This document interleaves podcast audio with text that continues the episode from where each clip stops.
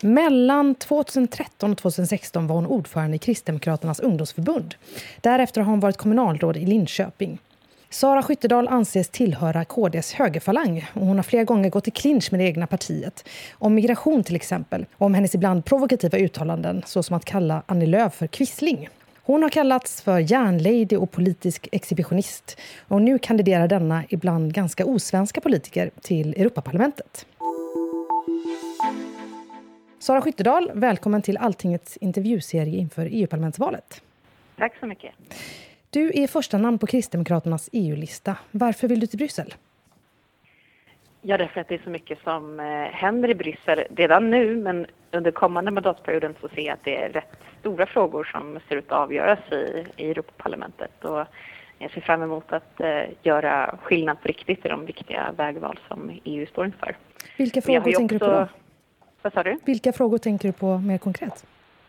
Jag tänker ju framförallt på eh, de ambitioner som eh, kommissionen säger sig ha när det gäller att implementera den nya sociala pelaren och eh, att när det här nu ska följas upp med bindande lagstiftning som Jean-Claude Juncker aviserade i sitt State of the Union-tal förra året.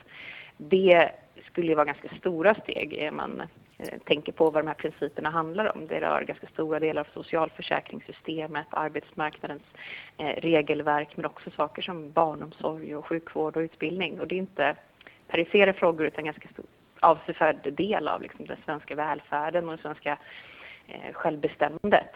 Så beroende på hur de här diskussionerna faller ut så skulle det vara ganska avgörande för, för vilken roll Bryssel har i förhållande till medlemsstaterna pratar om den sociala pelaren. Det är alltså en principförklaring som EU-länderna har ställt sig bakom. Eh, och du har sagt tidigare att en av de stora utmaningarna är att den, är den nya sociala pelaren som ger EU inflytande över välfärdsområdet. Då undrar jag, på vilket sätt ger den EU inflytande över välfärdsområdet? Precis som du säger så är det idag 20 principer som inte är bindande utan ganska vaga liksom, målsättningar som eh, som egentligen ofta lyder på ett sätt som man eh, liksom, eh, gemene man i allmänhet kan eh, ställa sig bakom. Men redan från början så har ju vi kristdemokrater varnat för att det här, eh, det här blir svårt att eh, arbeta med utan att följa upp med bindande lagstiftning och tyvärr så ser vi att det, det är där vi är. Dels genom de ambitioner som, eh, som kommissionen säger sig ha men redan nu med bland annat då det här work-life balance-direktivet som går in och reglerar föräldraförsäkringen. Nu påverkar det inte Sveriges lagstiftning eftersom vi redan har en reglerad föräldraförsäkring till viss del med några pappamånader i Sverige. Men bara för att vi kom undan med åtgärder som, som inte direkt påverkar oss utan alla andra länder bara så är det inte säkert att vi, eh, vi kommer gå lika vinnande ut nästa gång. Eh, låt oss stanna lite här. Jag vill försöka förstå hur du kommer agera konkret om du väljs in i EU-parlamentet. Den här frågan om föräldraförsäkring till exempel. Om vi lämnar åt sidan eh, den här delen som handlar om att det är kvotering utan bara tänker på en höjning av minimiregler för eh, vad EU-länderna måste låta sina mm, medborgare vara lediga efter att de har fått barn. Tycker du att det är, en, tycker du att det är dåligt med minimiregler överhuvudtaget?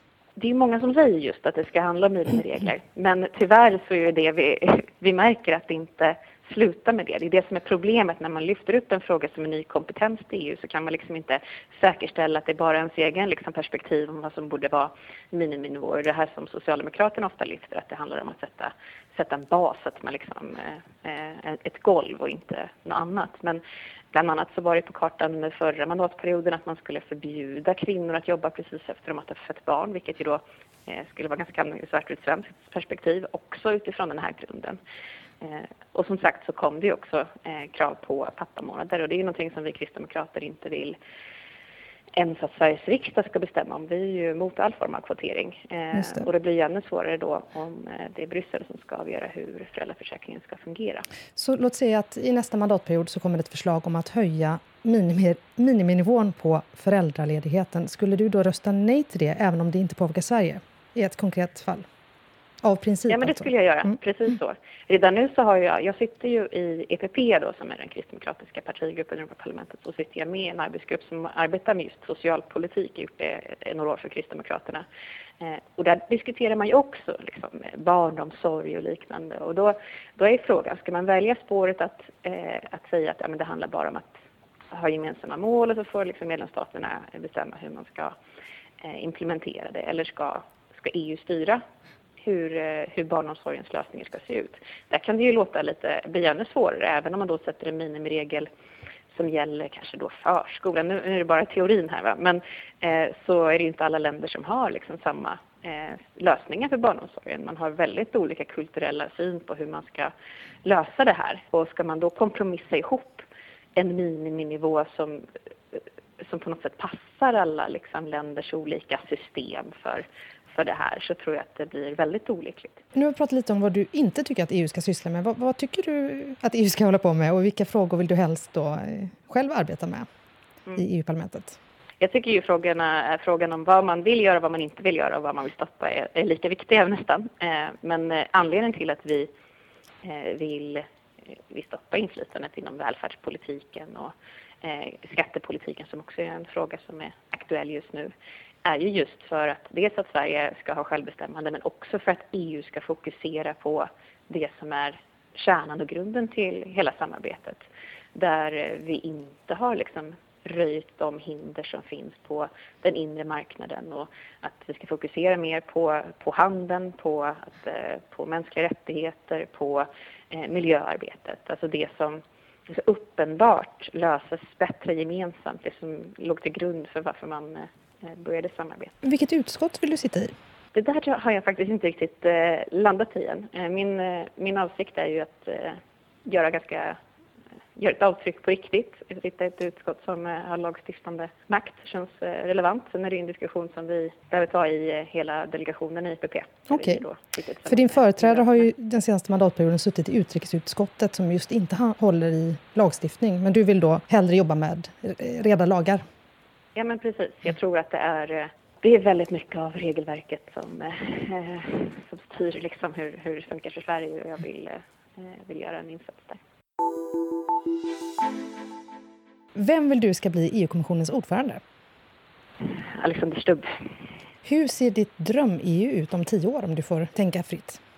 Då är det ett EU som har eh, fokus på kärnuppdraget som stärker handeln mellan länder som ser till att vi tar eh, miljöfrågan och också klimatet på allvar. Som eh, ser till att vi har rivit de hinder som finns kvar på den eh, inre marknaden och som håller sig borta från, eh, från välfärdsområdet och låter länderna bestämma över skattepolitiken. Är det ett större EU eller ett, är det lika stort som idag? Det är ett EU som har ett betydligt liksom, tydligare mandat Eh, Eh, för vad man har inflytande över. Vi vill ju se mer inflytande inom vissa områden som då eh, exempelvis handeln både inom EU och mellan andra EU och andra stater men mindre inom då eh, det sociala området till exempel. Varje EU-parlamentariker får utöver lönen och traktamente ungefär 45 000 kronor i månaden som kan användas för olika omkostnader. De här pengarna behöver inte redovisas, men ledamöterna kan ju själva välja att göra det om de vill det, och vissa gör det. Kommer du, om du blir invald till EU-parlamentet, att redovisa de här pengarna? Jag kommer att eh, alltid eh, rösta för ökad transparens och följa det regelverk som finns. Sen tycker jag att det, det är uppenbart att, och inte så konstigt att många blir provocerade över att det uppdagats att pengarna gått till andra saker än de är av, avsedda till. Eh, men eh, utöver det så kan man ju tycka att det liksom eh, att det är en sak att redovisa dem enligt eh, liksom, eh, principer kring transparens eh, men en annan är ju liksom att eh, visa dem för offentligheten. Och här är ju eh, på ett sätt så funkar det ju lite som ett partibidrag som är någonting som vi också får som, eh, som olika partier där, där väldigt många skäl är så att man inte bör eh, eh alltså, ge dem till sina politiska fiender till exempel, exakt hur man använder pengarna för att det är liksom en strategisk grund till det. Däremot så finns det revisorer som granskar att pengarna inte används felaktigt. Så det är väl där jag tycker att det finns en liten distinktion. Men du kan inte lova väljarna att du kommer att redovisa pengarna? Att du kommer spara kvittona och visa för journalister om de ber om det?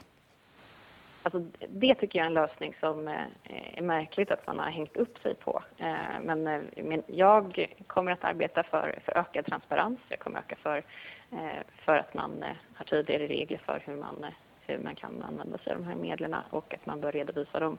Men att eh, liksom, eh, det finns liksom ingenting i EU som omfattas av offentlighetsprincipen överhuvudtaget så därför så bör man liksom ha ett eh, ett annat eh, synsätt på det. Det viktiga är att pengarna går till det de ska. Hur ska, det, hur ska man kunna garantera att pengarna går till det de ska om man inte sparar kvitton och visar dem för någon? Ja, men då handlar det om att man måste visa vilka omkostnader man har för exempelvis en, en intern revisor eller en revisor i Europaparlamentet till exempel. Just Så kan man ju göra det istället för att, så att säga, låta alltså pengar som ska gå till, till saker som är delvis partistrategiska visa dem för, eh, för även folk som är ens politiska motståndare. Så att, har Kristdemokraterna en sån intern revision då? Idag så har vi inte det, eh, men som, eh, som jag sa så kommer jag att rösta för ökad transparens. Vi byter ämne. Du och ditt parti vill att alla EU-länder tar gemensamt ansvar för de flyktingar som kommer till Europa. Alltså delar mer solidariskt på det. Och det förslag om en sån här eh, omfördelning har diskuterats i flera år nu men har fastnat eftersom några medlemsländer säger blankt nej. Utifrån hur läget ser ut idag med den låsningen, hur tycker du att man ska gå vidare? Hur ska EU, vad ska EU göra för att hantera de flyktingar och migranter som försöker ta sig till Europa och som kommer till Europa? Vi kristdemokrater har som du sagt eh, röstat för att man ska ta ett gemensamt ansvar och försöka hitta ett sätt där vi, eh, det inte är liksom en sån skev bördefördelning som det är idag. Men i väntan på, på det så är det dels två saker som bör gälla. Dels att man harmoniserar de regelverk som finns eh, och på det sättet skapar mera lika förutsättningar. Men jag tycker också att man bör gå vidare med de migrationspolitiska uppgörelser som, som det inte finns samma låsningar kring. För att migrationsfrågan handlar om så många delar och det är så mycket av de principer som gäller i EU då, som inte riktigt upprätthålls. Så att vi börjar ta steg framåt tycker jag vore, eh, vore framsteg. Och vad menar du då? Att mer gemensamma regler för hur flyktingmottagandet ser ut till exempel? Alltså det, det är ju massa detaljer. Man kan ju till exempel fokusera mer på att utvidga de här eh, Eh, asylmottagningscentren som man har i, upprättat i bland annat Chad och Niger där man kan söka asyl i tredje land. Eh, det handlar om hur man kan ut, eh, utveckla samarbetet med, med fingeravtryck där det liksom också varit uppe för diskussion. Eh, Alltså det är stora delar i förhandlingarna just nu som man inte kommer vidare i för att man inte lyckas lösa den stora knäckfrågan som visserligen är viktig. Men, men en, om man ska ha en realpolitisk eh, syn på det så måste man kanske kunna komma vidare med de saker som, som vi är överens om. Vi ska komma vidare och ta gemensamt eh, tag kring frågan. Men det är ju det är bara att konstatera att det är väldigt olika åsikter mellan olika länder i EU. Tycker du att Sverige, det här går lite utanför ditt mandat och som framtida EU-parlamentariker kanske, men tycker du att Sverige ska vara med i en sån här som kallas för Coalition of the Willing? Att man ska då ha ett slags kvotsystem bara mellan några länder? Jag har nog inte tagit ställning till det faktiskt. Ehm, men eh, alltså, i teorin så skulle, det, skulle ju det kunna funka. Det finns ju, det finns ju många områden i EU som man skulle kunna lösa. Även andra knäckfrågor kring att man då gör ett fördjupat samarbete. Det är en lösning som man inte använt så ofta men med en viss lagstiftning har ju funkat så. Ehm, och eh, det är möjligt att det skulle kunna vara aktuellt men man, frågan är ju om det inte vore ganska olyckligt, man tänker då vilka länder som kommer helt stå utanför. Det är inte jättesvårt att lista ut Eh, hur det är. Att försöka hitta då en väg framåt steg för steg i de eh, frågor som man är överens om. EU-kommissionen har föreslagit eh, väldigt starkt utökad gränspolis. Hur, vad tycker du om det förslaget? Det har ju vi kristdemokrater stöttat. Om man nu ska ha ett, en gemensam asylpolitik i EU så är det ju självklart att man har gemensamt ansvar för de yttre gränserna. Eh, och där har vi sett att det inte har funkat idag. Vi är också väldigt beroende av eh, alltså EUs grannländer för att upprätthålla nuvarande system och då är det ganska givet att man, eh, att man satsar ytterligare resurser på den, eh, den yttre gränskontrollen. Sen är det klart att det här är också det som ligger bakom bland annat den stora ökningen av EUs, eh, eller förslaget till ökningen av EUs, budget. Och där tycker vi att man bör eh, bör omprioritera i budgeten snarare än att bara eh, chockhöja exempelvis Sveriges avgifter. Men som du säger, att eh, ökningen beror ju väldigt mycket på de här nya områdena där man då vill samarbeta. Där EU-länderna har sagt att de vill samarbeta, till exempel då gränskontrollen. Det är redan... I budgetförslaget så drar man redan ner väldigt mycket på jordbruksstöd och sånt som Sveriges regering brukar vilja att man drar ner på. Hur, hur ska man hur, vad är viktigast helt enkelt? Är det att man ändå har de här gränspoliserna eller att man, att man inte låter budgeten öka alls? Om man inte kan få båda, så att säga? Nu, nu gör det väldigt jobbigt för mig här. Ja. jag tycker att det, det, är, alltså, det är inte acceptabelt för Sverige att ha den här ökningen. Vad är det, 41 miljoner mer eh, per dag som vi ska betala i medlemsavgift om det här går igenom. Det är, det är sanslöst mycket. Eh, och det är ju dels då ökade ambitioner men också att man inte liksom anpassar mun efter matsäck när britterna lämnar.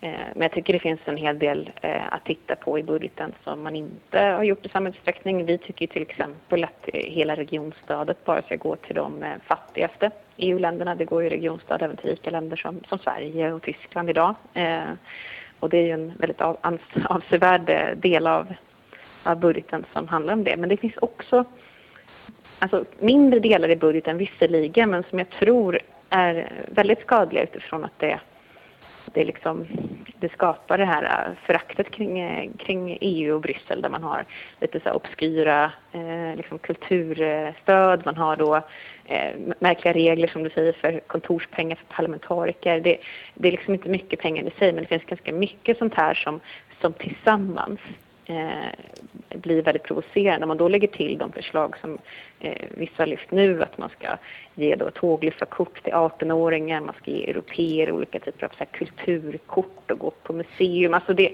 det är så långt bort från kärnan. Och det, det är ganska viktigt både symbolmässigt och för att då hitta, ja, men hitta lite marginaler till. Att skära även i de här eh, lite mindre då poster när man tittar på hela liksom, de tårtbitarna i EUs budget så är de inte stora i sig men i absoluta pengar så kan det vara ganska mycket om man tänker då eh, mm. att EUs budget är så pass stor. Men eh, för att komma tillbaka till frågan, vad är viktigast? Ja, att, att budgeten blir mindre eller att, eh, att man satsar på fler gränspoliser? Jag tror att det är viktigare att, eh, att budgeten inte drar iväg för mycket. Jag tror absolut att det är möjligt att göra det fortfarande ha satsningar på gränspolisen. Har du någon Europapolitisk eh, förebild? Det har jag ju. Massa. men jag, jag, blev helt, det blev helt nollställt i huvudet här just nu. Men, eh, men annars, alltså i stort så har jag liksom, är ju bland annat Margaret Thatcher min politiska förebild som eh, står upp för det hon, stått upp för det hon trott för. Jag trott på även när det har varit tufft, eh, visar ledarskap eh, i, i tider där eh, utsatt väldigt mycket kritik. Jag tror att vi behöver ha politiska ledare i EU som, som vågar visa handlingskraft även när det, när det blåser. Just nu så uppfattar jag att det politiska etablissemanget runt om i hela västvärlden är liksom, känner sig så pass pressade av, av det politiska läget, av den växande populismen så att man liksom blir helt handlingsförlamad. Det tror jag är jättefarligt. Så det vore dumt. Håller du med om min, eh, det jag sa i början om att du är ganska osvensk? Jag vet inte. Jag känner mig rätt så svensk alltså. så. Eh, sen, sen kanske jag inte är så, så typisk svensk politiker och särskilt inte om man tittar de senaste eh, alltså sen, sen millennieskiftet så har vi ju haft en, ett politiskt klimat som har blivit eh, lite absurt. Eh, där det liksom är politiska företrädare som ska liksom vara helt perfekt tillrättalagda. Man ska ha målgruppsanpassade politiska one-liners liksom, som triangulerar helt perfekt mellan olika politiska ståndpunkter. Och, eh, man får aldrig liksom, eh, säga någonting fel, liksom, för hård, man får inte använda ironi. Eh, och jag menar egentligen liksom, så uppfattar jag inte som att det här historiskt är eh, det som har rått i Sverige om man tar politiska ledare som, eh, som Palme eller även utomlands. Liksom, nu skulle jag prata om svenskar. då, men eh, Churchill, alltså det politiska ledare har historiskt varit ganska frispråkiga. Eh, utan att det här snarare är den tid som har varit här eh, i början av 2000-talet som är avsteget som jag tror att vi kanske ser att vi på väg att lämna delvis. Okej, okay, det är inte du som är osvensk utan det är Sverige som varit ängsligt i tio år? Ja. ja. Sara Skyttedal, stort tack för att du var med i Alltingets intervjuserie inför EU-valet. Tack så mycket.